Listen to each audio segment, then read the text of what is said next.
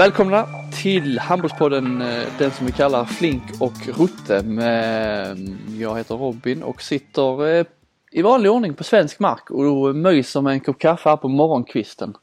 Det är ju nämligen så att vi eh, har väl aldrig varit så nära att spela och, och sända live som vi gör den här morgonen. För att Flink är i Tyskland denna veckan också. Vi snackade om det förra veckan att det krävdes en semifinal för att vi skulle vara kvar på tysk och svensk mark och eh, det har det blivit, eller hur? Eh, god morgon Johan Flink! Ja, god morgon, god morgon! Ja, det har det blivit. Eh, och vi spelar in, precis som du säger, så nära live vi kan komma. Ehm, då, eh, nej men det var eh, väl jag som, det var körigt för mig igår. Det var ju full rulle. När det är, när en semifinal står för dörren så då eh, ska det skrivas mycket. Och sen skulle vi faktiskt, får vi väl också erkänna, vi skulle klämma in en, det har ju varit, det är ju mycket matcher på kvällarna och sådär så vi skulle klämma in en middag med kollegorna också. Men det gick lugnt till men, men det tog tid innan vi kom ut och då blev det sent innan vi kom hem igen. Ja, alltså jag messade med dig lite igår kväll. När åt ni egentligen? Eh, klockan var ju närmare tio eh, när du fortfarande höll på va? Ja, precis. Eh, ja, men då tror jag vi höll, satt och väntade på huvudrätten eller något. Ja, vi åt inte från vid halv elva, elva någonting. Jag. jag minns ju när jag var med i Polen, vad var det, EM där va? Mm, EM för, ja. Då var vi också ute på en sån här middag. Eh, och då var mitt i middagen så eh, fick Flink någon nyhet och eh, det plingade till i telefonen eller, eller vad det gjorde och när alla andra satt och åt och förrätt tror jag det var så tog Flink sitt pick och pack och vände, vände sig om, satte sig vid ett annat bord och började skriva en artikel. Var, var, det, var du lika otrevlig den här gången? Nej, inte alls. Det var jag inte. Det hände ingenting så utan jag kunde vara med hela tiden absolut. Sen så åker ju telefonerna eh, upp, det gör de väl hos, eh, hos oss alla idag i och för sig. Va? Men, ja. men ett gäng journalister och så som sitter och, och bevakar ett VM. Så, men nej, det var inga, inga nyheter som pockade på. Nej då, vi, eh, jag, har, jag har inga synpunkter på, på att du skriver det. Det är bara ett gott tecken. Vad var det du skrev då? Det kommer jag inte ihåg. Ja men var det faktiskt inte, eller säga det var kanske ingen riktig nyhet. Var det inte det att jag fick tag i Kent-Harry där efter att Norge... Det var det nog ja, precis. Norge skrällde ju där då i EM ju. Men hur var det då? Det är jag nyfiken på lite. Det har ju varit eh, rätt så mycket gnäll på maten eh, framförallt eh, från lagen då. Men även från eh, dig lite här hörde jag precis innan jag tryckte på inspelningsknappen. Eh, frukosten var och är sådär eller?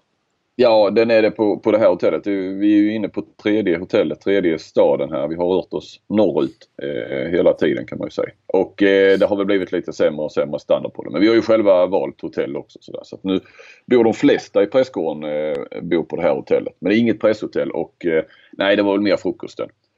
Eh, som var. Vi hade åt fantastiskt gott igår. Vi var på ett ställe som hette East som rekommenderades av, eh, ja det var Daniel Wander igår för att eh, när Sverige kom i förrgår så hade Ulrika Toft Hansen som har bott i Hamburg eh, tagit med hela truppen eh, till det här stället. Eh, då, det var tydligen stället där eh, handbollsspelarna käkade.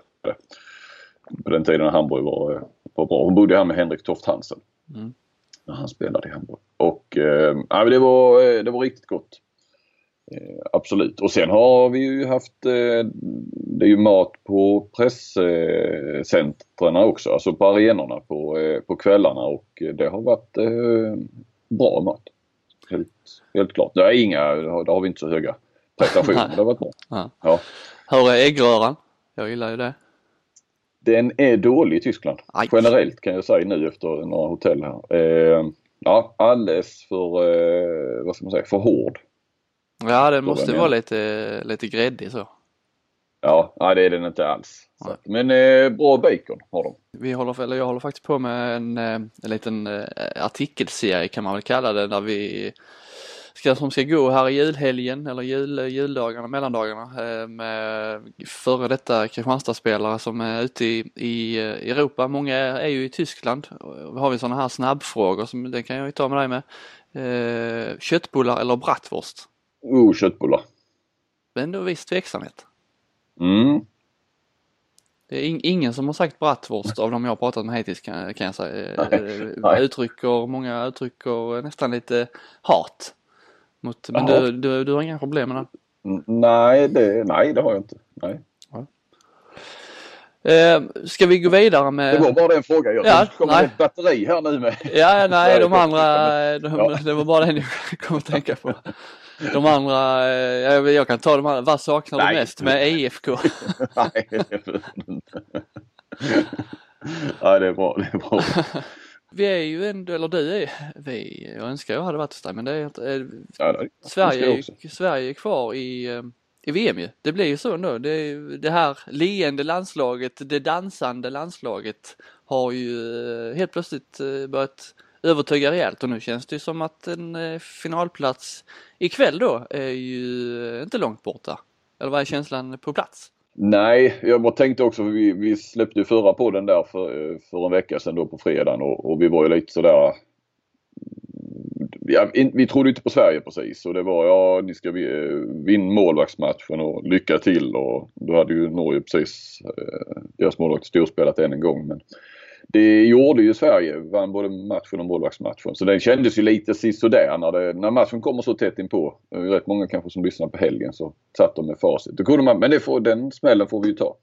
Jag fick faktiskt så, lite skit där när podden kom från eh några av mina kollegor, jag ska inte nämna dem vid namn, för eh, de hade urtolkat att, eh, jag tror jag pratade om att eh, Sverige kunde gå in med en ganska bra känsla i den matchen. Inget och, ingen press liksom, det var, de var redan klara tvåor och kunde spela för första platsen och då eh, tolkade de det på jobbet som att jag trodde att Sverige skulle vinna och då blev jag lite idiotförklarad innan matchen. Och jag sa nej men det tror jag, jag slog ifrån mig nej men jag tror inte de vinner den här matchen. Jag menar bara de skulle gå in med en rätt bra känsla i, ja, i laget så inför matchen, inte att de skulle vinna den. Men sen vann de ju. Så då ja. äh, ångrar jag mig snabbt och skrev ett mess till till Marcus var det faktiskt, kan vi hänga ut honom Mackan? Ja, ja. Eh, att, ja men det, han hade tolkat mig rätt i podden. Jag trodde ändå att de skulle vinna. Så att, eh, det, det, var härligt. Så att ja men nu sitter vi här då inför en, en semifinal mot Frankrike och eh, jag tycker ju, ja absolut. Jag menar man kan ju inte säga något annat. Det är klart att Sverige kan vinna den. Eh, men eh, jag tror nog att eh, jag tror att det blir svårt. Det trodde jag mot Norge också. Men eh, jag, Frankrike är favoriter för mig. Ja. 60-40 eller något sånt. 65-35 om vi nu ska bli noggranna kanske. Vi kanske inte ska gå ner oss för mycket i den matchen eh, som du sa innan där, många kanske lyssnar efteråt. Men vad är det ja. som har eh, gjort Sverige så, vad är det som har hänt? Varför är vi helt plötsligt med i världstoppen? Om du får dra din, eh, din lilla eh, story från, från, från Tyskland.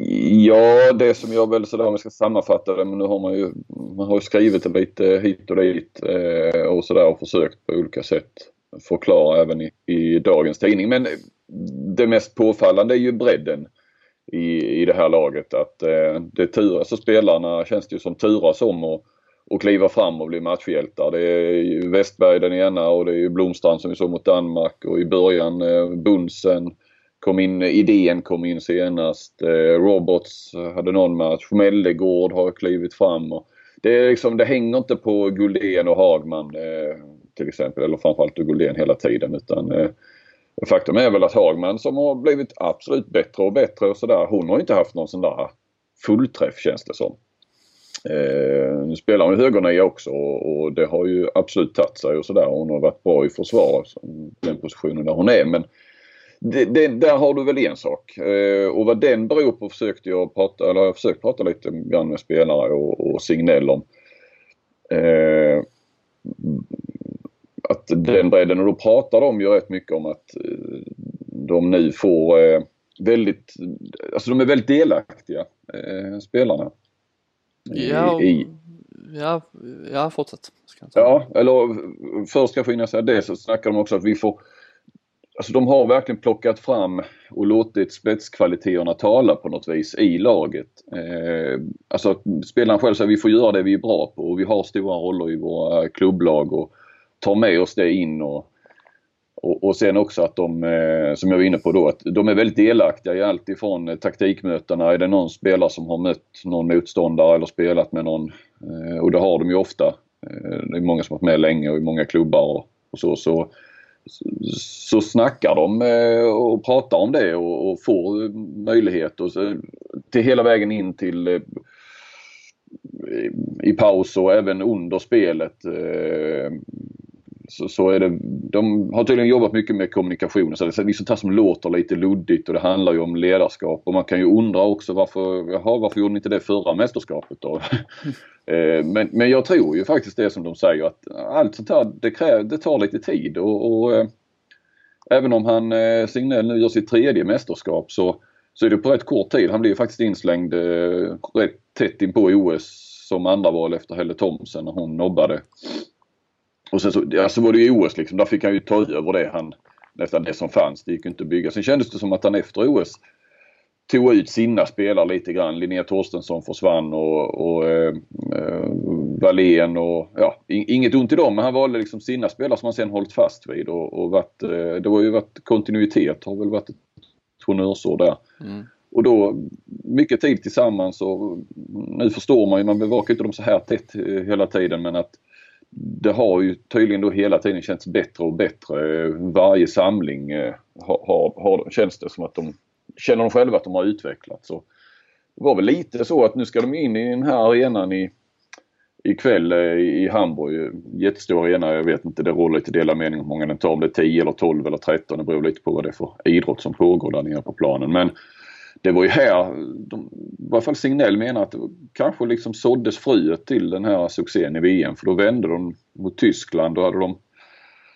misslyckats i EM för ett år sedan och så var det, de samlades igen för första gången i mars, mötte Tyskland hemma i, i Partille, vann den ganska så behändigt. Det här är bara träningslandskamper. Men så mötte de Tyskland här nere. Fullsatt, låg under med sex bollar med 12 minuter kvar och vände och vann med 7-0 sista 12 minuterna och vann matchen.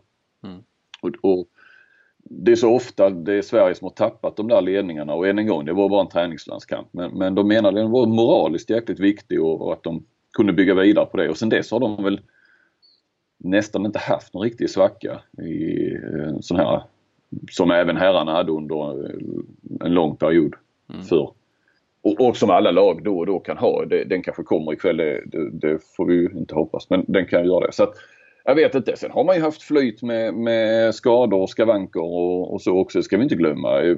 Signell har haft alla de han vill ha tillgängliga utom Linn Blom som blev gravida i höstas. Men resten har jag haft tillgång till och så har det varit Louis Sands eh, skada där men med, med Mellegård har gått in och gjort det jättebra. Så att jämför då, det, det, gör han ju om man frågar honom med, med EM där nyckelspelare, verkliga nyckelspelare som både Guldén och Hagman hade jättestora problem inför EM. Och Lindblom var ju också, ta till mig det var någon till som jag glömmer i hastigheten. Mm. Så det har ju sånt som också och sen framgång föder framgång och du får lite flyt och sådär. Men, men vi ska inte glömma att när de, oh vad jag pratar nu. Ja men, men det får, jag, jag lyssnar.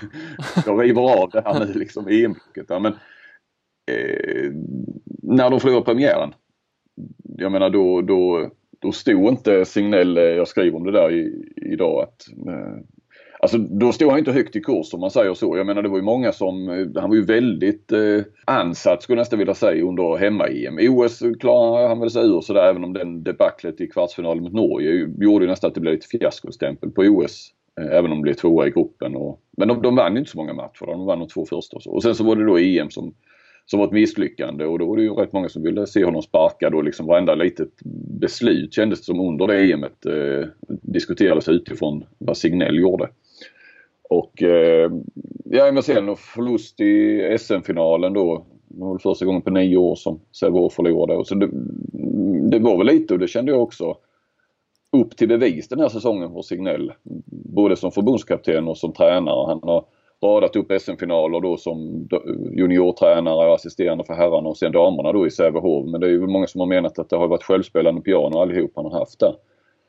Han har helt enkelt haft Sveriges mm. bästa lag. Så det var väl lite upp till bevis. Jag menar Sävehof har ju inte varit särskilt bra i, i eh, SHE.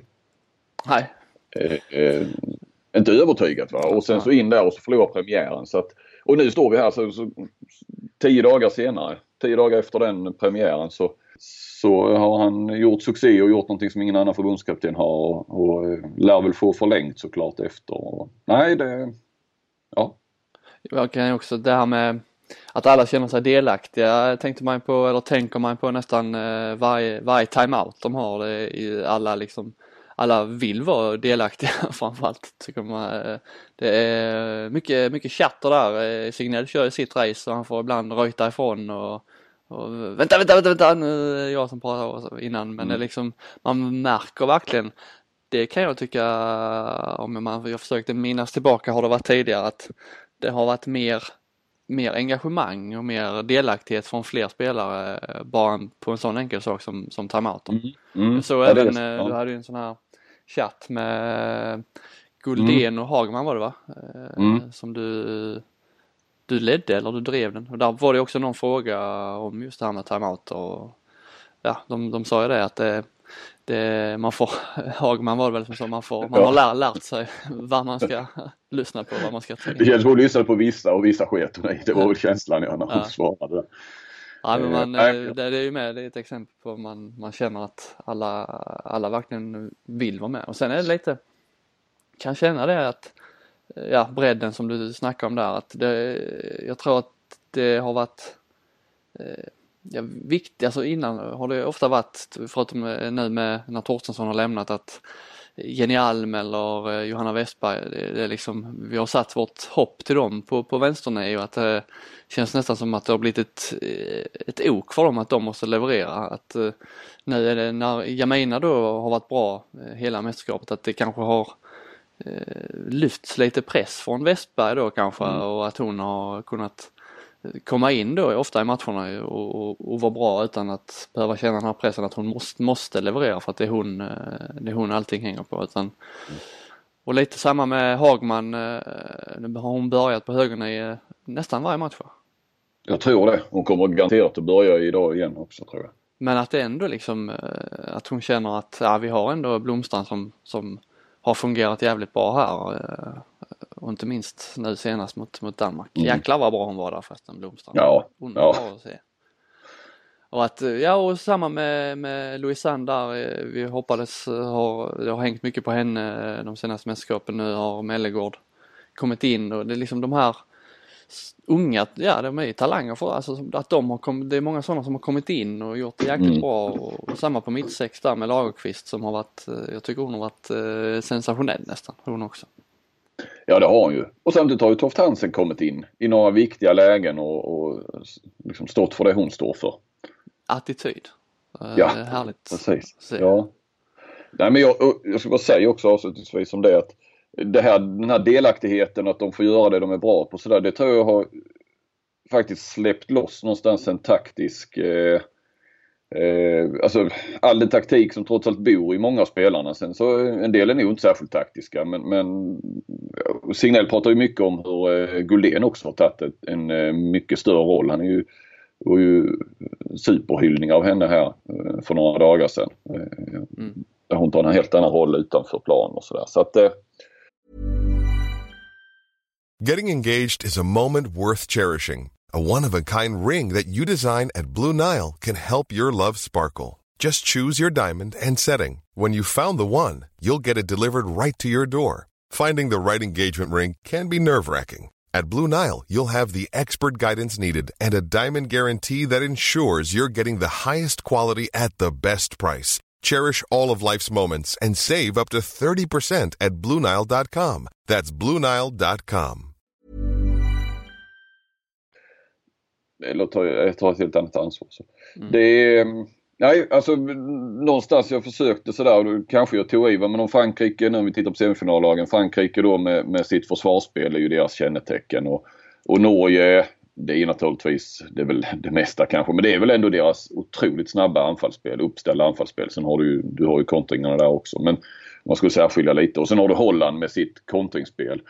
Och då skulle jag nog vilja dra det så långt att Sverige det är kanske taktiskt, det, det här upplagan, taktiskt smarta. Eh, Signell pratade om det efter, efter Danmark där, men vår, varför vann jag? Våra tjejer var eh, taktiskt smartare än deras. Att de, eh, ja, jag tror det ligger någonting i det. Om vi nu ska försöka sätta någon stämpel så är det det. De är taktiskt smarta, eh, de här spelarna, får vara det också. finns Så- utrymme för det. Mm. Känslan är ju också att känslan är ju jäkligt viktig i det här sl- landslaget. Att eh, får man väl lite god, lite god känsla i gruppen som de verkar ju minst sagt ha så, Mm. så avspeglar det sig på planen på, på ett annat sätt kanske eh, än vad det gör för typ eh, herrlandslaget. Att det är viktigare att ha en eh, härlig grupp, ja sammanhållning, känsla, lagkänsla så än, Mm. än, än vad det kanske är på, på, andra, på andra ställen. Ja men så är det nog. Sen faktiskt lite grann gick det åt det hållet på herrarna senast. De pratade också mycket om, Ja. om en känsla som, som de fick, fick ihop där i det mästerskapet. Och, jag, jag tror också att Sverige, jag menar vi är ju, även om vi nu då som vi säger, vi är med i världstoppen nu här de här veckorna. Även om, ja nu ska vi ju inte säga för mycket men, men visst blir det guld då får man väl säga att då är, då är man ju definitivt. Va? Men, men eh, en semifinal så är man ju det just nu men det är ju efter VM stannar det vid en, en, en, en bronsmatch. Även om man vinner den så, så går det inte heller att slå fast att nu är vi tillbaka och, och eh, kommer att liksom rada upp semifinaler här.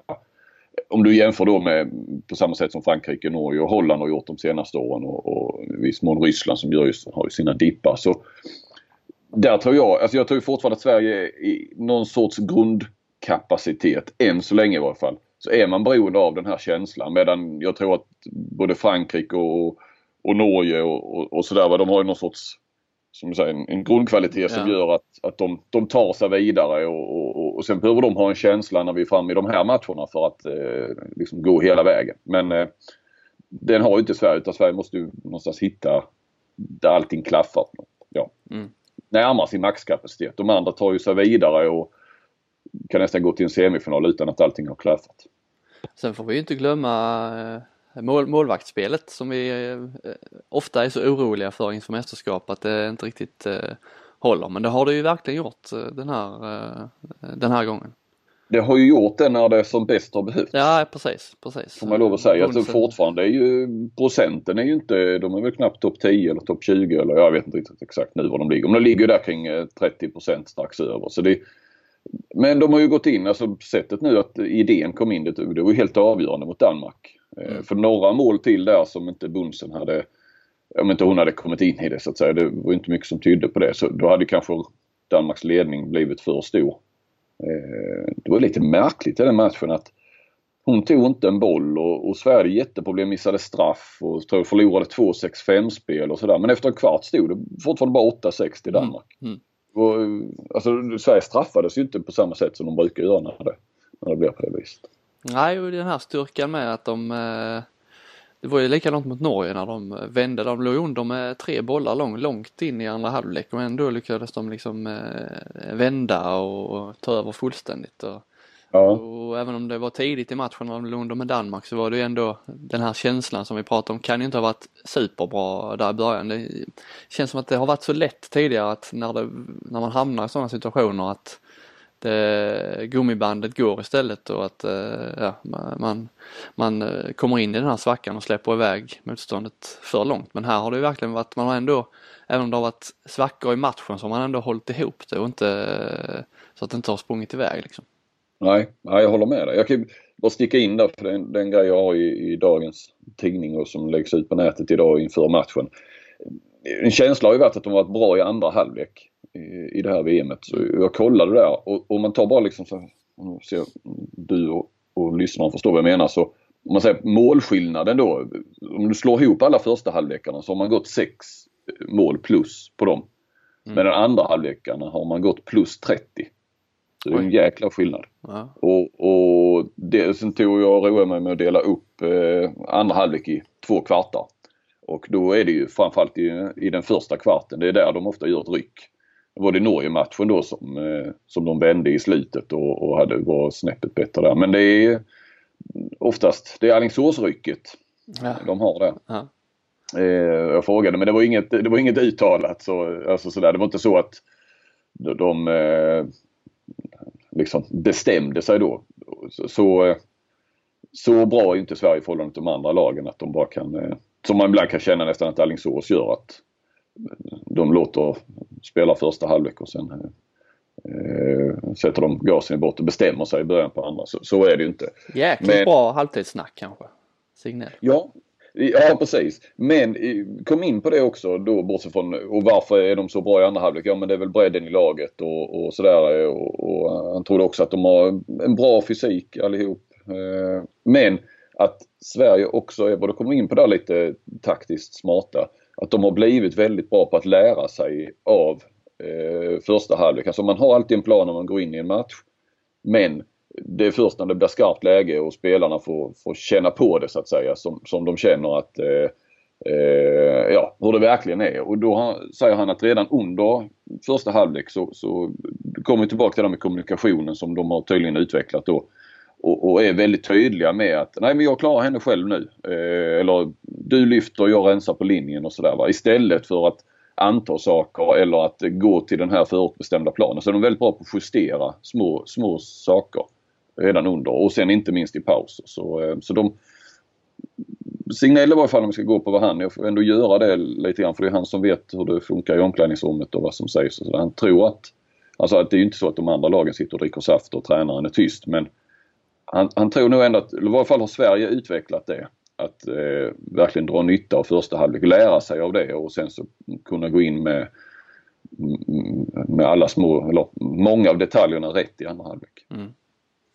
Eh, säg nu att de går till, till final och kanske till och med tar guld. Är det den största, största bragd, handbollsbragden sedan eh, VM 90? Ja men det får du ju lov att säga. Om de går hela vägen så eh, Måste det, det vara va?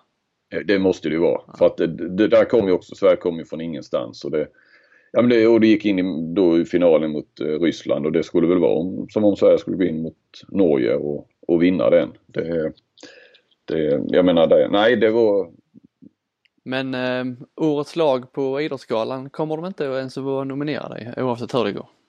Nej, så, så är det ju. Det var ju inte ens, eh, det är över en månad sedan nu, så fotbollsherrarna. Och inte ens de eh, kom med.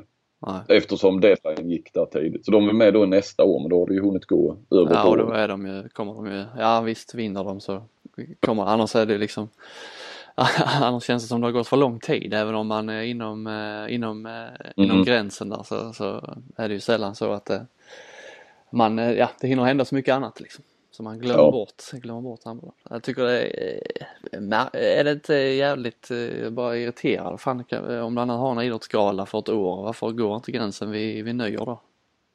Ja, så kan man väl förstå kanske rent planeringsmässigt och, och, och, logistik och sånt där. Den är kanske inte helt lätt att lösa på, på två veckor. Det är en jäkla, en jäkla apparat. Men, men den är att de inte ens kommer att vara bjudna då, handbollslandslaget? Eftersom de inte är nominerade?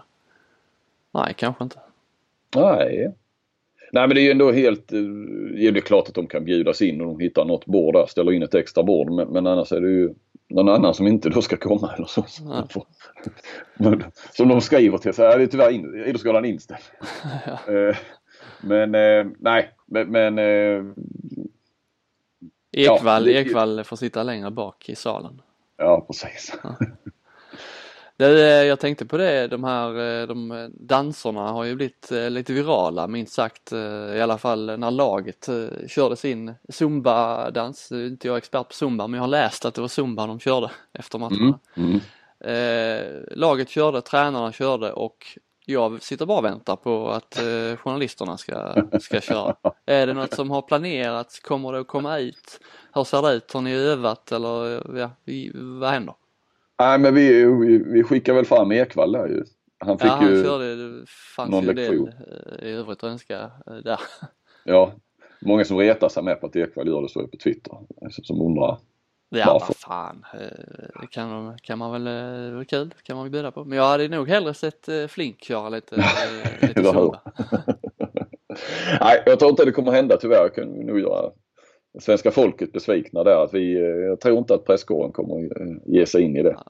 Ingen är mer besviken än jag. Nej, men vi, Wander är ju ändå, han var ju med där. Daniel ja. Wander, presschefen. Han får ju ändå vara lite representant för eh, svensk media på något vis ju. Ja. Han, han, han, jobbar ju ändå i, i branschen så att säga. Så att, han höll sig i bakgrunden men det var ju ändå, det, det var ändå honom jag tittade på i alla fall. Kan man säga att han hans insats representerade, representerade hela, eh, det är ungefär så det hade sett ut om, om presspacket hade, hade kört. Precis och därför är det väl ingen större vits att vi, vi försöker ge oss på det om, om det är på den nivån vi ligger. Nej. Du, ska vi eh, titta lite från mitt perspektiv med, med TV? Har det har sett ut framför TV-soffan? Nej, för som du sa, det med timeout har jag ju ingen koll på eftersom jag inte har hört en enda timeout under VM. Nej, Så det är det- väl, det är det väl det enda fördelen man har framför soffan, att man får eh, höra vad som sägs där. De Det, borde klara sig världens, eller vad är det, världens bästa TV-team. Så är det ju inte men Sveriges mest överlägsna, ja vad nu du kan ju det där. Eh, Men jag ska, nu ska jag vara tyst och låta, nej, ja, men det, du får gärna spela, spela, in, eh, spela in eh, här också. Men du hade ju en intervju med Linnea Torstensson som ju har varit expertkommentator. Då har du inte hört mycket av henne heller kanske? Inte någonting? nej ingenting och, och det har inte varit mycket surr om det heller. På Nej, Twitter, precis. Väldigt tyst om henne. Fogelström fick rätt mycket beröm i början direkt där. Såg Annars- jag någonting om. Men, Ja, annars är väl det, om det är tystnad på so- sociala medier så brukar det ju innebära att eh, allt är frid och fröjd och eh, de eh, gör bra ifrån sig och det tycker jag väl att eh, Torstensson eh, nu ska jag inte heller sitta här och vara någon, eh, jag, jag vet ju inte så mycket om det där med att kommentera men eh, från tv-soffan, mitt perspektiv så tycker jag Torstensson eh, faktiskt med tanke på hur, hon kastades in där snabbt, snabbt och efter Per Johansson så så tycker jag hon har gjort det lysande faktiskt. Mm. Jag tyckte man märker också, hon sa väl i din intervju där att eh, en av de eh, svåraste sakerna i början var att inte, inte säga vi när, när Sverige spelar. mm. Eh, utan att hon säger Sverige. Det får man, tycker jag ändå eh, ska- ska ha cred för en sån liten sak. Det är så lätt annars att man eh, hamnar där. Att det, särskilt då om man har varit en del av laget att det, det är vi och eh, det är svårt att riktigt säga 100% eh, vad man tycker och, tänker för att man är för mycket vi och inte, inte så mycket eh, objektiv. Men eh, hon är ju, men hon är väl också sån som person, Torstensson, det lilla Ja. jag har pratat med henne att eh, hon krånglar inte till saker och ting när hon pratar utan det är, det är ärligt och rakt och tydliga besked om Mm. det mesta faktiskt. Mm. Så Torstensson eh, tycker jag har gjort det eh, jäkligt bra. Sen kan man ju alltid, om man ska gå in på detaljer, så det, det är ju inget, eh, det är ju inget Perlskog Hellgren eh, eh, Nej. samarbete. Ingen, inte den, inte den ja, relationen eller samspelet de har i, med, med, med Torstensson och Jarelind som, som kommenterar matcherna. Men det kanske inte man ska begära heller när det, med tanke på rutin och att det är första gången de, de sitter ihop. Det är jag bara när jag har kollat av med några där hemma eller så, och, och, och, eh, handbollskännare eller vad man ska säga så, så var det väl någon som bara har reagerat lite grann på att hon dels så kör hon rätt mycket smeknamn på spelarna och det är väl också den här närheten eh, som hon trots allt har och kanske glömmer eh, lite grann. Jag, jag, ja, ja men typ att hon kallar dem Ullis och Sabbe och, och lite så. Eh, det kanske en del kan gilla också att, att, att det blir någon sorts Ja, men jag har närhet inte, ens, jag har inte ens tänkt på Nej. det faktiskt men det är Nej, det man var- själv är inne Ja. vet vilka Och sen är- En sak som kanske inte du heller tänker på som, eh, som den eh, handbollsexpert du är att hon använder eh, kanske ibland lite svåra, inte svåra men alltså det är pivot istället för linje och så. Då, Pivot, inte det, det, har jag tänkt på faktiskt. Ja. eh, att och då, kan- det kan du köra när du kör en, eh, en vad heter det, sån här webbsändning eller det vet jag Per Johansson pratar mycket om. Men kör du i kanal 5 då är det, då är det mormor och farmor och de här som sitter och tittar och då, då måste man lägga sig på en lägre nivå som, som kommentator. Det är väl en av de svåra grejerna. Att man måste tänka på vilken, vilken kanal och vilken publik man har. Va? Men att eh, där hon kanske hamnar eh, lite för högt där i kunskapsnivå. Eh, eh. Mm. För att det är matcher som eh, en miljon eh, svenskar och som sagt eh, din och min mormor sitter och tittar. Sen kan man ju säga om eh, sändningarna generellt så saknar man ju det här framförallt nu när det har eh, gått bra att man saknar ju en studio på plats. Något, eh, det gör man. Det är en jäkla skillnad alltså när de, när de står, står i en studio på, i Stockholm eller var de är på hemmaplan jämfört med jag kollade på dansk tv, det var inte när Sverige mötte Danmark utan det var Danmarks match före det där, där där de hade studio på plats. Jesper Jensen eh, var tränaren där, var, var gäst och de satt precis bakom målet och bollade över till, till intervjuer och ja, det var Alltså det ger en helt annan eh, närvaro såklart men det ger en helt annan känsla med framför när man sitter och kollar. Att det, det känns liksom budget när de har, eh, när de inte, ja. när de inte är på plats. Och jag fattar inte riktigt heller. De är, visst var de, eh, brukar de alltid vara på plats när det är herrarna, eller alltid, nu har inte kanal 5 haft mästerskap så länge men visst att eh, Vranjes och Staffan Olsson ja, ja. var ju på plats när, när det var herrarna så jag vet inte riktigt varför. Det är inte så att herrarna heller är bättre nu för tiden och har större chans att gå långt än vad, än vad damerna har kanske. Så det, det, det, det, tycker jag är lite kast faktiskt att, eh, att, man, inte, att man inte är där. Ifall det har med ekonomi eller vad det har, ja, det vet jag inte men eh, det, det Ja men de verkar ju ha obegränsat med pengar. Discovery. Ja. ja men det, det, det, är väl allmänt känt att eh, pengar saknas inte i den. De har ju ja, sitt, vad är det, amerikanska bolag i ryggen och sådär. Mm, så mm. De handlar ju in rättigheter för miljarder. Så nu skulle de kunna ha råd med en, en studie. Ja, och varför gör man skillnad? Okej okay, om de hade haft samma sak på, på, på herrarna, varför gör man skillnad på varför är herrarnas eh, mästerskap viktigare och vara studie på plats än damernas? Det, det, har jag rätt svårt att förstå faktiskt. Ja och, och det är Frankrike respektive Tyskland då som det har varit. Det är inte så att eh, heller det är Qatar eller Brasilien eller Kina eller Japan och sånt här. Som möjligtvis skulle Även om det som sagt ekonomin inte ska vara något problem. Men, men, där kan man ju kanske också förstå att det skulle vara det är rätt mycket som ska skickas och sådär. Men jag menar Tyskland Frankrike är ju ingen skillnad. Det är ju snarare lättare att ta sig till Tyskland än Frankrike. Fördelen med detta eh, får man ändå säga är att det finns ingen studio att välta för spelarna när det går bra. Det kan man säga. det är den enda fördelen jag har hittat. ja, den, den är, ja, är, ja du har en poäng där. Det har varit otroligt roligt att se om, om eh, spelarna då eh, spontant, nu gör jag sådana här eh, vad heter det, citationstecken i luften då, när, om de då ska ta sig upp för en hel läktare upp, oftast är ju studiorna här har ju varit högt uppe så att säga. Ja, nej, den, men, men jag måste säga om dansk TV där, så det är, TV2 Danmark är ju något helt otroligt vilken bevakning de har på detta, mm. detta VM. De, jag menar som, som bara då där nere i Stuttgart som vi väl kan säga, vi, det var ju som man bodde på något, uh, ja det var i Stuttgart-områden. Det var ju Bittingheim, Bissingen som uh, arenan låg i. Där hade de alltså, ja ett helt team som låg där hela tiden. På den. De hade ju på varje grupp i VM och det här var ju ändå en grupp som inte Sverige alltså Sveriges grupp då, de gick ju inte mot Danmark i en åttondelsfinal, Danmarks grupp. Det gjorde de ju sen i en kvartsfinal. Men, men eh, otroligt vilka, och det var ju de som körde mycket med Kamerun och det var ju också en sån här grupp som inte, Danmark var inte med i den gruppen. Eh, otroligt bevakning alltså. Eh, och de har ju studio här nu. Eh, hade studio i Leipzig.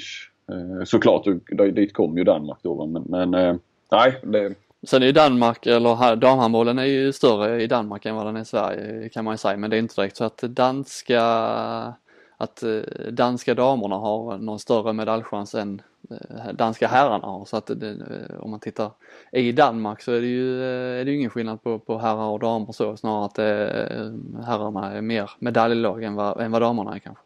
Ja, ja absolut. Jag håller med dig.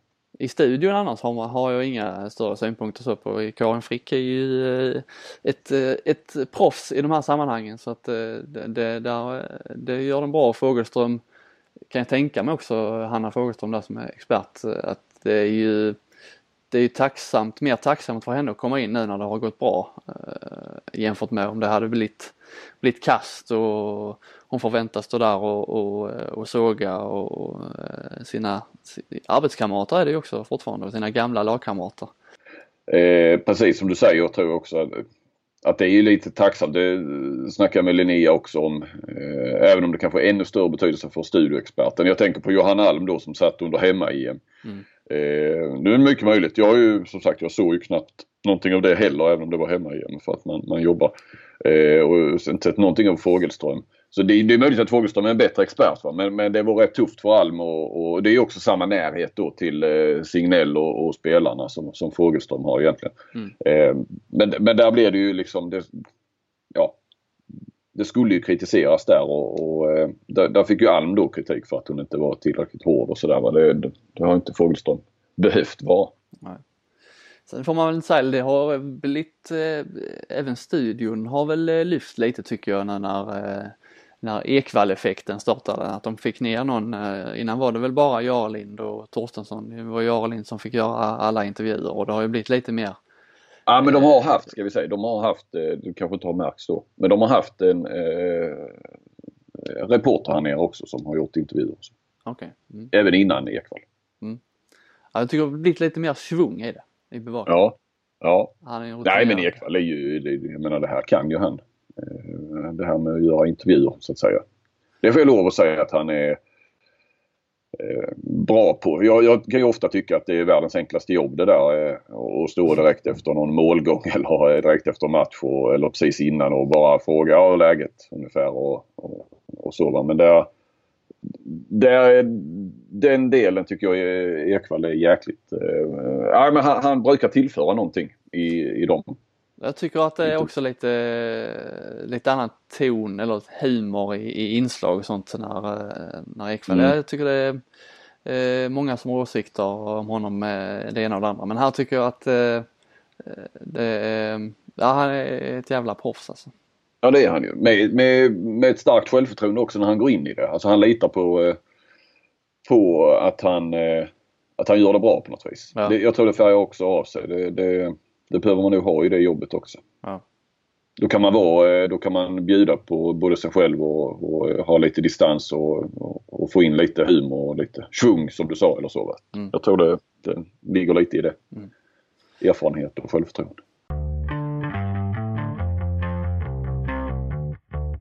På hemmaplan Flink så, eh, ja det spelade faktiskt en SOE-match igår till min stora förvåning H65 mot Skövde. Ja. Inte, eh, jag trodde det var uppehåll där men eh, ja, då har de ju inga landslagsspelare direkt så, så att det, det påverkar väl inte. Annars är det mest eh, härligan som rullar på. Det jag har tänkt mest på i veckan var ju det här lilla, inte ordkriget men lilla dispyten kan man väl säga i, där och de, Axnér pratade i avkast om de skulle ju leka sportchefer där eh, och han sågade lite eh, Kristianstads värvningsstrategi där att de hamnade på, eh, handlade på fel hyllor om man vill ta sig vidare i Champions League-gruppspelet. Det landade inte riktigt väl där hos klubbchef Nicolas Larsson som skrev en liten stänkare, eller en blänkare i det här programbladet IFK Play att han förstod inte alls vad Axnér skulle in där och peta för i deras, i deras värvningsstrategi. Nej för han har ju inga åsikter menar han om hur Alingsås värvar. Men, Nej, och det kan man ju förstå för han är inte någon han har nog sällan blivit ombedd i en expertroll och tycka till om Alingsås värvningsstrategi. Nej, precis, precis. Det blev en liten, liten diskussion om det. Mm, du fångade upp den? Ja, men Tog det, den lite? Ja, ja. men det, så, länge, så pass länge har man ju varit med så att ser man en sån så, så är man inte sen att hugga på sånt. Nej, nej precis. Där finns självförtroende där precis som hos Ekvall. och eh, Axnér är också tacksam där, det räcker ju med. Eh, han har ju ett slags namn som gör att eh, det räcker att man ser det i någon rubrik eller sånt så, så blir folk liksom intresserade. Han har ju en tyngd och en, eh, en kunskap där som, som gör det enkelt att, bygga saker kring kan man väl säga. Och en relation väl till, till IFK Kristianstad någonstans efter de här åren ja, också. Så att, äh, att, det är väl en bra signal bara för era läsare. Det skadar inte nej. Sen vet jag inte, han tog ju, eh, han har ju en poäng absolut att de, eh, det de har värvat nu här med Emil Hansson och tappar jag namnet. Fel. Ja, ja, från Danmark. Ja. Vad heter han? Det, är inget, Adam, hushåll, det är inget hushållsnamn. Nej, Adam Nyfjäll. Nyfjäll. Ja. ja.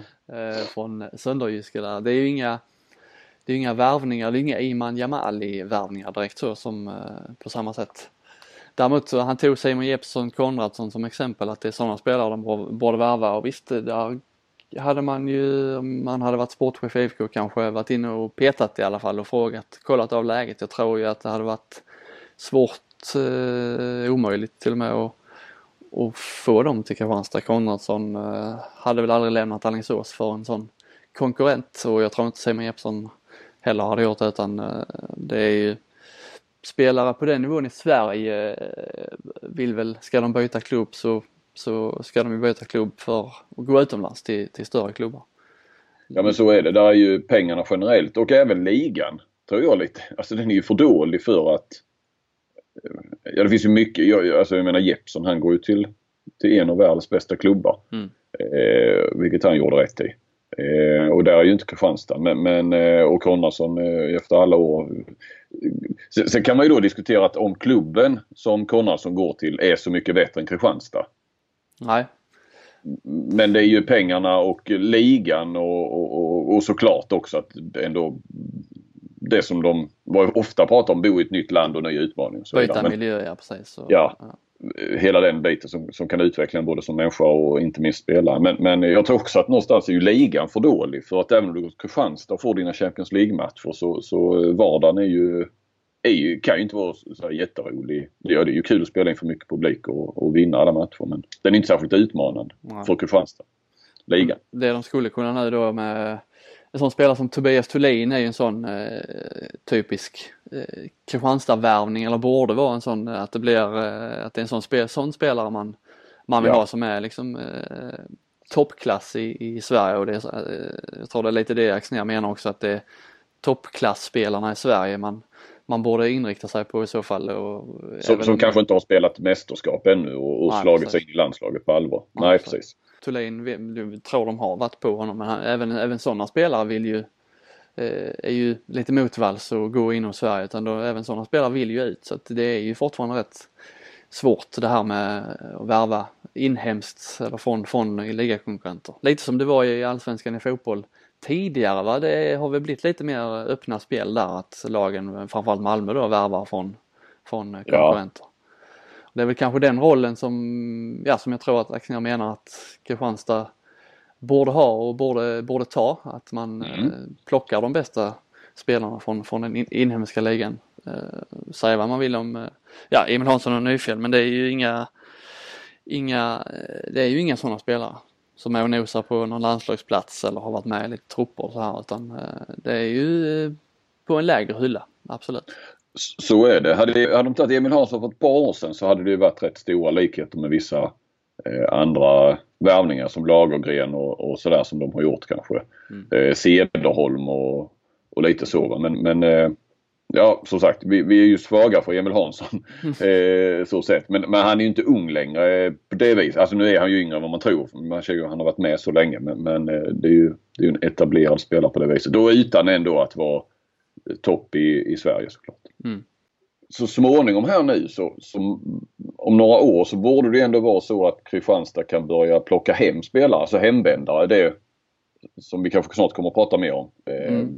Så, som Ystad då kunna plocka hem Kim Andersson. Nu är det ju jättemånga som har, eh, som har haft det ganska tufft när de har kommit hem. Va? Men, men där har ju Kristianstad knappt hunnit Nej, alltså det man kan som jag kan tänka mig att de i alla fall har kollat upp var ju, nu är de ju på jakt efter en högernia, en sån som Andreas Cederholm eh, hade ju det tufft i Frankrike, gick till Minden, eh, får, inte första val där, men man spelar en hel del, att man ändå, det är där någonstans eh, man snart om några år kan börja mm. ringa, ringa några samtal i alla fall till rätt många spelare. Jo, som har Marcus Olsson, det dröjer ju så, såklart. Va? Men, men nej, där finns ju ett gäng sen. Sen är ju frågan då, för sen har de haft många norrmän. Ja, och det är, ju, det är klart, visst de pratar ju gott om och trivs i Kristianstad och sådär men det, det, är ju, det är ju en risk att, att det blir Elverum eller någonting sånt om några år när de ska hem. Lite Kanske. så var det ju med, med Joakim Hyckerud när han skulle, skulle hem. Som, han var ju bra eh, landslagsman i Norge, var, var bra när han spelade här.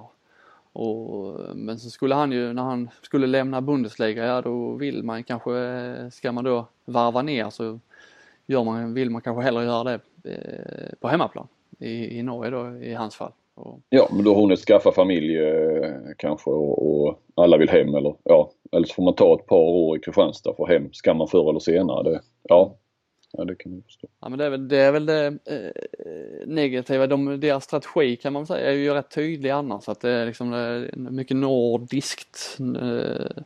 norskt och ja, framförallt norskt, danskt men att man värvar de här Isländskt. Mm. Ja, isländskt precis. Att man värvar de här eh, unga utvecklingsbara spelarna som är på gränsen till landslaget fast eh, inte, inte från Sverige då utan att man tar, tar dem från eh, Norge, Björnsen, eh, Stig Tore, ja det är många exempel, Arnason och även Olafur eh, Gudmundsson när, han- när han kom.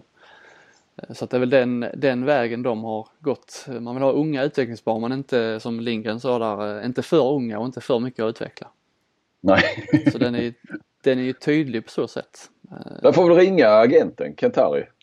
Ja precis, det var länge sedan, eh, länge sedan han var i spel känns det som. Ja, ja, ja, men han kan nog dra i några, några trådar. Ja det tror jag. Eh, jag skulle bara säga en sak där kring och, det är ju med rätta, du måste ersätta spelare som lämnar och så va. Men vi ska ju inte glömma att eh, den här förlängningen med Olof och Gudmundsson var ju rätt tung. Mm.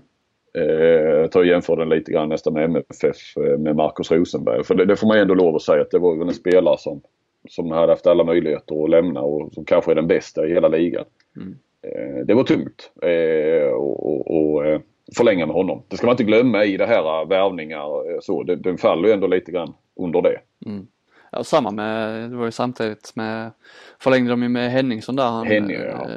hade ju redan skrivit på ett kontrakt i, i eh, april tror jag det var, men förlängde igen då med, med ytterligare något år så att eh, där har de ju vänsternedpositionen har de ju säkrat upp för många, många år framöver. Mm, mm. Ja, vi vet ju inte. Så, så, så, så lämnar de ändå för att de, de får en bra... Och där finns väl lite klausuler också i kontraktet gissar jag med, eller vet jag med att det är med Henningsson i alla fall. Ja, såklart. Men jag tittar lite på de andra, om man eh, lämnar, inte bara tittar på Kristianstad, så eh, tittar på de andra topplagen, eh, eller på över halvan i alla fall i, i, i handbollsligan. Det är rätt många lag som har extremt tydliga värvningsstrategier. Vilka Mm. hyllor de, de plockar från. Mm. Väldigt tydliga identiteter kan man kalla det i klubbarna där. Om man tittar på till exempel Alingsås som ju många har pratat mycket om deras, deras eh, taktik att värva eh, väldigt unga spelare och väldigt mycket att utveckla men eh, bara de senaste åren med William Andersson Moberg där, eller Moberg Andersson, vad heter han? Moberg Andersson? Ja, jag lär mig inte det, vilken ordning det är. Moberg Andersson tror jag, eller nej Andersson Moberg är det nog. Som de tog från Sävehof, det är mycket Sävehof-talanger de har tagit. Eh, Tobias Sandberg kom ju för något år sedan där och Mm. nu senast var det väl eh, Jakob Lundahl va, från Aranäs. Aranäs, Som 16 år bara. Och, det var ju samma sak med Konradsson när han, när han kom och vet du när han kom till Alingsås? Ja, men det är många år sedan. Han var väl var han 17, 16, 17. 2011 ja, från Kära. Ja. Ja och Klar, Felix Klar från Norrköping 2013. Så att det tar ju, de värvar ju ungt och eh, det gäller att man verkligen har eh, scoutat eller verkligen tror på dem för det, det tar ju lite tid innan man får, eh, får betalt till de spelarna. Så är det ju och, och nu här efter Lundahl där eh, så, så eh, har de fått lite kritik för det Alingsås. Och det de framförallt får kritik för tror jag egentligen det är ju att de eh, inte själva får fram några spelare. Eh, Ja. Alltså att de inte, hade de haft en, en liten eh, grund där som trots allt Kristianstad nu eh, har, eh, plocka upp någon i varje fall eh, Eh, varje år så eh, och det kanske man gör också men det är ju inga spelare vi lägger märke till i varje fall. Men, men eh, och det, det var ju snart ett år sedan. Då var jag i, runt där i västklubbarna och, och det var ju en sak som, där var de ju självkritiska. Eh, Mårtensson, eh, klubbchef, sportchef i, i Alingsås att eh, vi måste bli bättre. Alltså det är ju ändå ett handbollsfäste. De har näst, de, han menar att de hade konkurrens från fotbollen men det, det ja, den, den kan inte vara så stor. De är ju, det är ju Alingsås, det är ju ett, ett handbollsfäste idag. Och att det inte, och någonstans finns det ju en, en kunskap och, och allt det här och duktiga tränare. I varje fall på, på A-lagsnivå verkligen. Att det inte har fått fram, eh, alltså det är ju, vi snackar ju en, två, tre spelare som under 20 år har etablerat sig i, i, i elitserien. Mm. Eh, Där. Det, det är väl det som nog folk nu börjar reta sig på att, eh, att de fortfarande inte får fram någonting. Att de eh, inte har hittat eh, någon vettig strategi där. Utan är helt, det andra gör de ju jättebra ju. Ja. Sen är det de här, de, de klubbarna som då utbildar de här, eh, eller har utbildat de här talangerna i, sen de var 6 år gamla i de flesta fallen gissar jag att de, det är ju inga pengar liksom man får de här Nej. mindre klubbarna då, eh, ja, kära Norrköping då, Sävehof klarar väl sig ändå men men att de, de får ju dåligt betalt liksom. Ja, både, mm. både i faktiska pengar och i, i handbollsutdelning. De får dåligt betalt när de fostrar en spelare i 10-12 år och sen när, de, när man ska börja skörda där med, med, med spelarna så, så är de borta. Mm. Det är lite eh, taskigt på det sättet men eh, det finns ju regler lite, någon liten, liten, liten eh, tusenlapp eh, får man väl utbildningsbidrag och så här, men det är ju det är inte mycket liksom. Nej, det hade ju varit bättre om de pengarna hade varit lite större. Så, så att, ehm, så. Sen så har ju alla, någonstans det, finns det ju en plats i näringskedjan också. Så att, eh, att, att Norrköping tappar mm, sina bästa spelare, det är väl, det är väl inte så konstigt. Och Sävehof har man väl svårt att tycka synd om kanske. Det är väl snarare att, alltså, att de har ett sånt överflöd så att de måste släppa spelare och har valt istället att då, eh, jag menar ta hem lite äldre spelare. Eh, mm.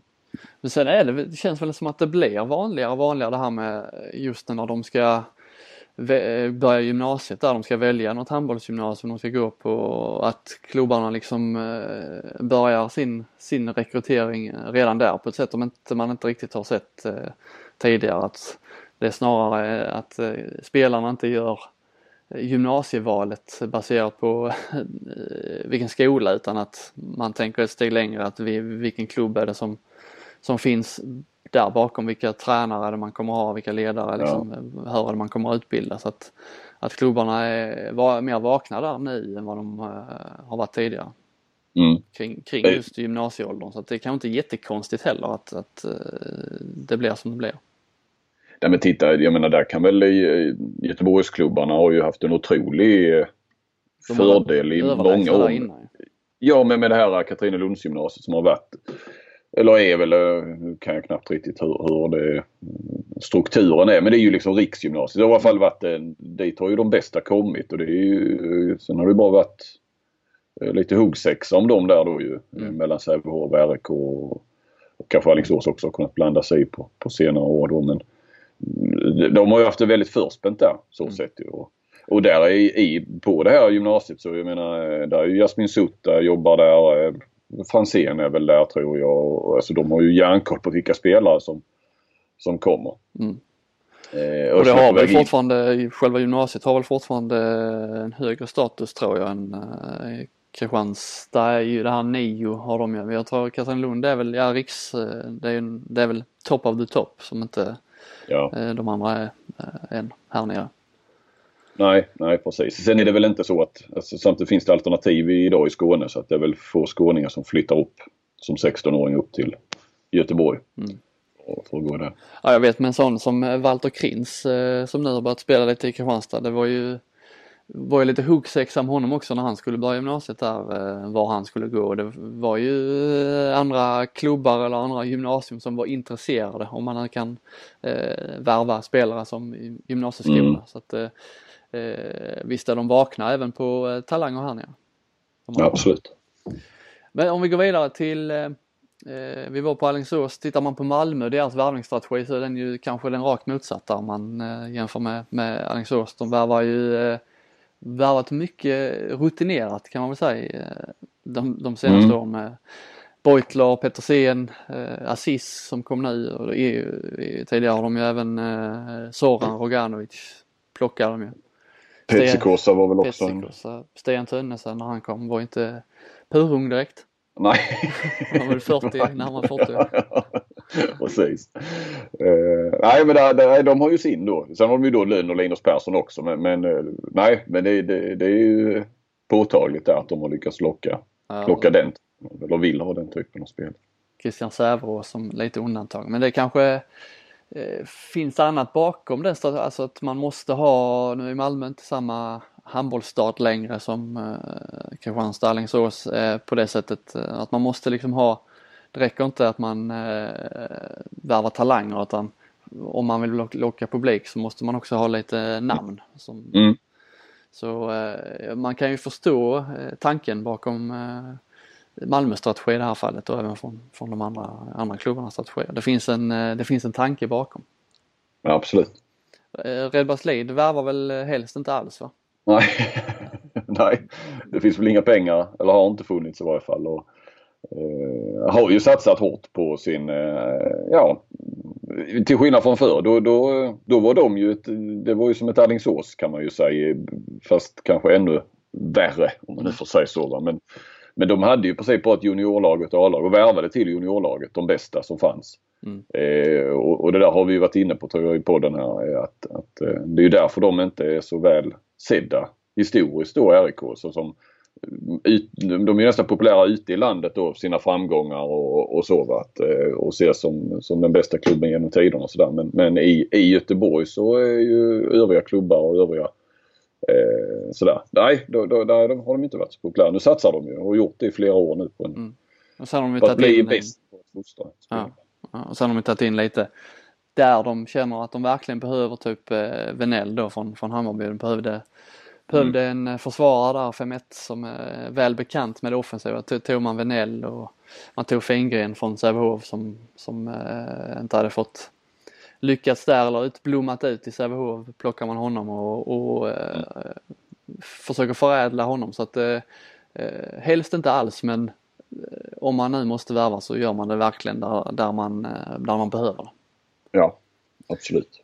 Men Lugi har ju annars Eh, förändrats väldigt mycket när det gäller värvningsstrategi de senaste åren. Nu är de väl eh, lite som, som mer uttalat som Red Led är att man eh, verkligen vill och måste satsa på, på eget för att ekonomin inte tillåter några utsvävningar om man jämför med något år sedan där när de värvade Johannes, vad fan heter han? Hippe? Jag har glömt vad han heter. Ja, Hippe. precis. Hippe och Järnemyr. Och... Ja, precis.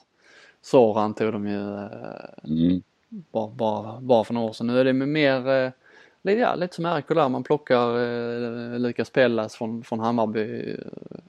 Tog Karl Möllerström från Kristianstad som man hoppas kunna eh, utveckla också. Pellas var en sån också som man har verkligen fått fart på sedan han kom. Men som inte är, är ja, det är inga stjärnor i elitserien så när de kommer Nej. utan lite så som, ja. Eh, och, och, och, det är klart att de också, det förstår, alltså ekonomin tillåter inget annat. Och så har man då en, en, eh, en bra ungdomsverksamhet och, och får fram mycket spelare så, så då mm. förstår man ju också att man, man litar sig mot den lite grann. Ja. ja man har sänkt kanske sina äh, ambitionsnivåer ja. också. Det har man. Både, ja alltså rent på planen handbollsmässigt vad, vad man vill och Mm. För något år sedan ville man ju utmana och bli någon slags maktfaktor. Eh, man slog ut Kristianstad där 2014 tror jag det var i semifinal och stod väl lite på topp där. Eh, när man mm. skulle, skulle tagit det där guldet som nog fortfarande svider i eh, Zanotti och Axnérs handbollshjärta. Så är det säkert. Ystad har ju mm. Eh, ingen riktig, jag skrev här jag, när jag noterade, ingen riktigt klar strategi förutom då det mest uppenbara att man eh, hämtar allt man kan från Aranäs. Ja precis. Många exempel där, eh, framförallt då klanen Hallbäck med, med Jerry och Ludvig och Anton. Eh, men eh, vi har ju Karl Löfström som man har tog därifrån Jesper Gustafsson som ju är Eh, tillbaka nu som jag tyckte i slutspelet i fjol, Jesper Gustafsson, eh, trodde han skulle bli en jävla ja. viktig kugge den här säsongen. Men nu är han eh, tillbaka i Aranäs. Precis och du har väl Borgstedt? Borgstedt, precis ja. Från, det har ju varit så. Alingsås var det ju tidigare. Det hette ju Aranäs Nord, mm, Alingsås och sen nu har ju Ystad blivit Aranäs Syd. Ja. Sen visst finns det en, en, en brygga där någonstans. Sen vet jag inte hur medveten strategi det är. Det är klart det blir ju en, det blir en hopa när det blir tre, tre halvbäck. Men visst är det, ja men det, där finns ju någonting där definitivt. Ja och så har de ju Forsell Schäfert eh, där man väl, det är svårt att hitta någon direkt eh, värvningsstrategi så bakom, eh, bakom honom mer än att han är jävligt nyttig för, för deras lag. Mm. Mm. Men de har ju också, precis som med både med, med Lugi och RIK så är det ju eh, talanger så det räcker att bli över och har varit sett ut så i många år i Ystad så att de behöver inte heller eh, vara inne och norpa de här riktigt unga spelarna som, som eh, Alingsås kanske behöver eh, eftersom de inte får upp egna utan det kommer ju, kommer ju eget folk eh, med jämnt flöde kan man säga. Det är lite samma med Guif va? Det är väl också en, en eh, talangfabrik. Ja. Som inte heller har eh, direkt några eh, ekonomiska muskler att röra sig med. Nej, nej. Men som också Sen var du lite eh, smarta där och tog Emil Hansson från, från Kristianstad. Mm. Där de behövde. Sen har vi ju Sävehof då. Ja. Som eh, blandar och ger på, eh, på marknaden kan man väl säga. Vissa, vissa säsonger så är det eh, all in på det hemvävda och vissa säsonger så värvar man friskt, köper eh, Tönnesen och lägger stora pengar på, på nyförvärv. Och lite som det är nu då som kan man väl säga att de hemvändarna de är ute Mm. och, och tar hem de spelarna de har fostrat och med Jakobsson och, och Larholm då framförallt Per Sandström. Där, det, det är liksom lite från eh, säsong till säsong där har man, har man tänker. Ja men så är det ju. Men, men i, sen har du ju i grunden har du ju den egna ungdomsverksamheten som trots allt är den största i, i, eh, i Sverige. Så att eh, där har du väl grunden och de har ju många egna produkter nu i, i, i laget. Men, men det, det blir ju fler och fler. Ja, I nuläget är det mycket hemvändare. De, de hade ju gärna tagit Fahlgren också såklart. Ju. Ja. Och de tjänar ju där på, vi pratade lite om Kristianstad, att de snart kan, kan börja titta utåt på eh, hemvändare, har ju också sådana citattecken i luften för det är ju inte egna spelare som Kristianstad eh, i så fall tittar på men Sävehof har ju verkligen, det är ju verkligen egna hemvändare, det är lättare för dem att eh, höra av sig till till Arholm och till Jakobsson än vad det kanske är för Kristianstad med norrmän och annat utan det är här i Sävehof, det blir ju mer naturlig hemflykt när man eh, kommer tillbaka. Ja precis. Jag tar nu Stenbäcke som ett exempel. Det borde ju, eh, som har varit i Kristianstad men som ändå är, ja han är ju inte, han är ju från eh, Västergötland från början. Vårgårda, eller är det va? Mm. Eh, men eh, Sävehof, det känns ju ändå som att när han ska vända hemåt att det slut, lutar väl mer åt Sävehof än Kristianstad kanske. Det tror jag nog att det gör. Men det är Sävehof. Jag blir inte klok på dem heller vad som händer den här säsongen alltså. Nej. Sen förra veckan har de alltså förlorat både mot eh, Rico och mot eh, Lugi här nu senast igår. igår. Lugi hemma hade de då ju. Mm. Ja. Eh, Efter att ha vunnit mot RIK. Det går väl att, jag vet inte, det går ju att följa Stockenbergs Twitter lite grann. Man- jag vet inte riktigt om det är en... Man kan avläsa rätt tydligt hur det går för Sävehof om man eh, går igenom hans Twitterflöde. Det har varit en lugn Ja. vecka för Stockenberg på Twitter kan man säga. Ja och då, eh, då, är- då är Sävehof risiga. Sen de här, om man tittar ännu längre ner i tabellen så är det ju eh, kanske lite svårare att, att ha någon värvningsstrategi överhuvudtaget. Utan man får, Aranäs har ju lyckats däremot att skeppa iväg, eh, alltså tittar man på alla spelarna de har ute i de olika klubbarna så hade de kunnat eh, få ihop ett rätt hyfsat slutspelslag känns det som. Verkligen. Om de hade fått hem alla sina, sina egenfostrade spelare. Nej men de är bra på och eh, det är också ytterligare en sån klubb som är väldigt bra på att få fram egna, egna spelare. Sen har du ju Rico som kör lite sitt koncept. Nu tänker jag kanske inte, inte peka ut hur de, alltså vilken typ av spelare de värvar utan snarare då att de kan erbjuda det här med, med, med ett, ett bra jobb. En utbildning inom, eh, inom Rico, företaget och sådär. Mm. Kan inte det exakt hur, hur det är upplagt va? Men, men uppenbarligen är det ju ändå någonting som som lockar för att det är som vi har sagt, alltså man har svårt att se vad som vad, vad Rico kan locka med. Mm. Sett till, eh, ja, jag menar de ligger ju, de är ju alltid på nedre halvan och slåss för att hamna i ingenmansland. Eh, de, har de spelat något slutspel? Det har de fortfarande inte va? Nej. Eh, och, och då det här eh, milt sagt bristande intresset. Det, alltså lilla publiken och, och du är i, i Stockholm med du är knappt någon medieuppmärksamhet överhuvudtaget och så vidare. de andra lagen där, eh, OV, Karlskrona, Skövde i viss mån, det är liksom de får väl ta, de vet var de är någonstans på eh, vilka hyllor de får plocka ifrån liksom. De- får ta det som blir över lite, eh, känns det som. Det är inte så att de, de har ju svårt att locka de st- största talangerna och de får inte de eh, bästa spelarna. Det, det, det är ju svårare att vara sportchef där. Absolut men eh, Skövde, med risk nu för jag fel att de vann något eh, SM för pojkar A här om året så, så känns det ju som att där har de ju, de har ju, var ju fantastiska på att få fram spelare i, eh, ja vad ska man säga, början av 2000-talet skulle man kunna säga. Så ett tag var, man hade ju riktigt många landslagsspelare för några år sedan som, mm. som antingen kom dit i unga år eller, eller var där från början. Så du hade ju och kanske inte ens kom som unga höll på sig. Men alltså det var ju Andreas Nilsson och, och Sjöstrand och ja du har ju hela det här med country countrygänget det låter som. Mm. Något som kan vinna en Grammis. Men, men eh, ja, men där, där har, känns det som Skövde har tappat lite grann i, i, i det. Och, eh, och sen tänkte jag på, på Ove Helsingborg. Det finns väl ändå en, en liten eh, eh, brygga till Kristianstad va? Det känns som, hur många är de uppe i nu? Är det tre, fyra stycken från Kristianstad? Ja, vad har vi där? Vi har Cosmo, Emil Schuster, Oskar Hansson, Linus Nilsson. Så fyra i alla fall. Ja, eh, så där, där, finns det ju någon. Och sen Skövde, de, där är något litet på gång i alla fall. De har ju ändå, nu har de ju fått Jack Thorin och Alfredén så där finns ju talang. Alltså det finns ju spelare som är, är lite på gång i alla fall. Eh, mm. Nu. Ja, absolut. Men du hade ju ändå som sagt, det var Kjellman, jag vet att han är från Växjö, Mattias Gustafsson är en stockholmare. Men, men där var, då, då lockade de ju, de lockade många spelare som sen eh, de gjorde till landslagsmän, så ska vi väl säga. Ja, Och plus att de hade en, en bra egen verksamhet också. Mm. Ja. Eh, vi kanske ska säga också att vi väl, eh, vi gör väl lite uppehåll nu va? Åtminstone i två veckor. Över jul, julhelgerna ja.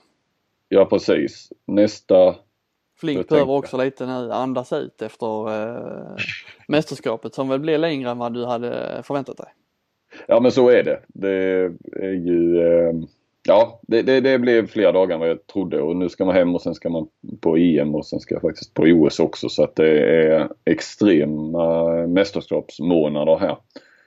Och eh, ska jag eh, ha någon familj kvar när vi går in i det nya året så tror jag att Ja, inte för att podden är direkt så. Det, det, podda någon timme går väl bra. Men det, jag tror att eh, vi kan behöva en liten, eh, en liten paus. Ja. Då får vi eh, börja blogga lite istället. Ja, eh, du bloggar inte så mycket. Nej, jag har tappat, eh, tappat farten kan man säga. Men jag ska ja. skärpa till mig under uppehållet. Det lovar jag ser vi fram emot.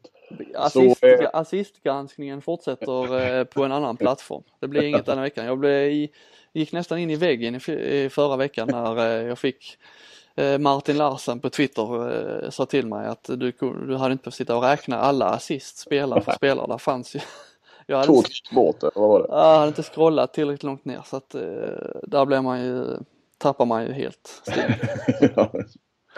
Men vi, eh, nej men så kan vi väl köra, eh, köra ett uppehåll på ett par veckor. Så ja. kör vi igen efter nyår när det, då är det ju dags för ett EM. Precis. Så eh, håll ut 2018 är vi tillbaka. Eh, tack för den här veckan eh, och eh, får vi väl eh, hoppas att Sverige lyckas ikväll då. Absolut, det gör vi. Tack för idag, ha det bra. Tack tack, hej hej.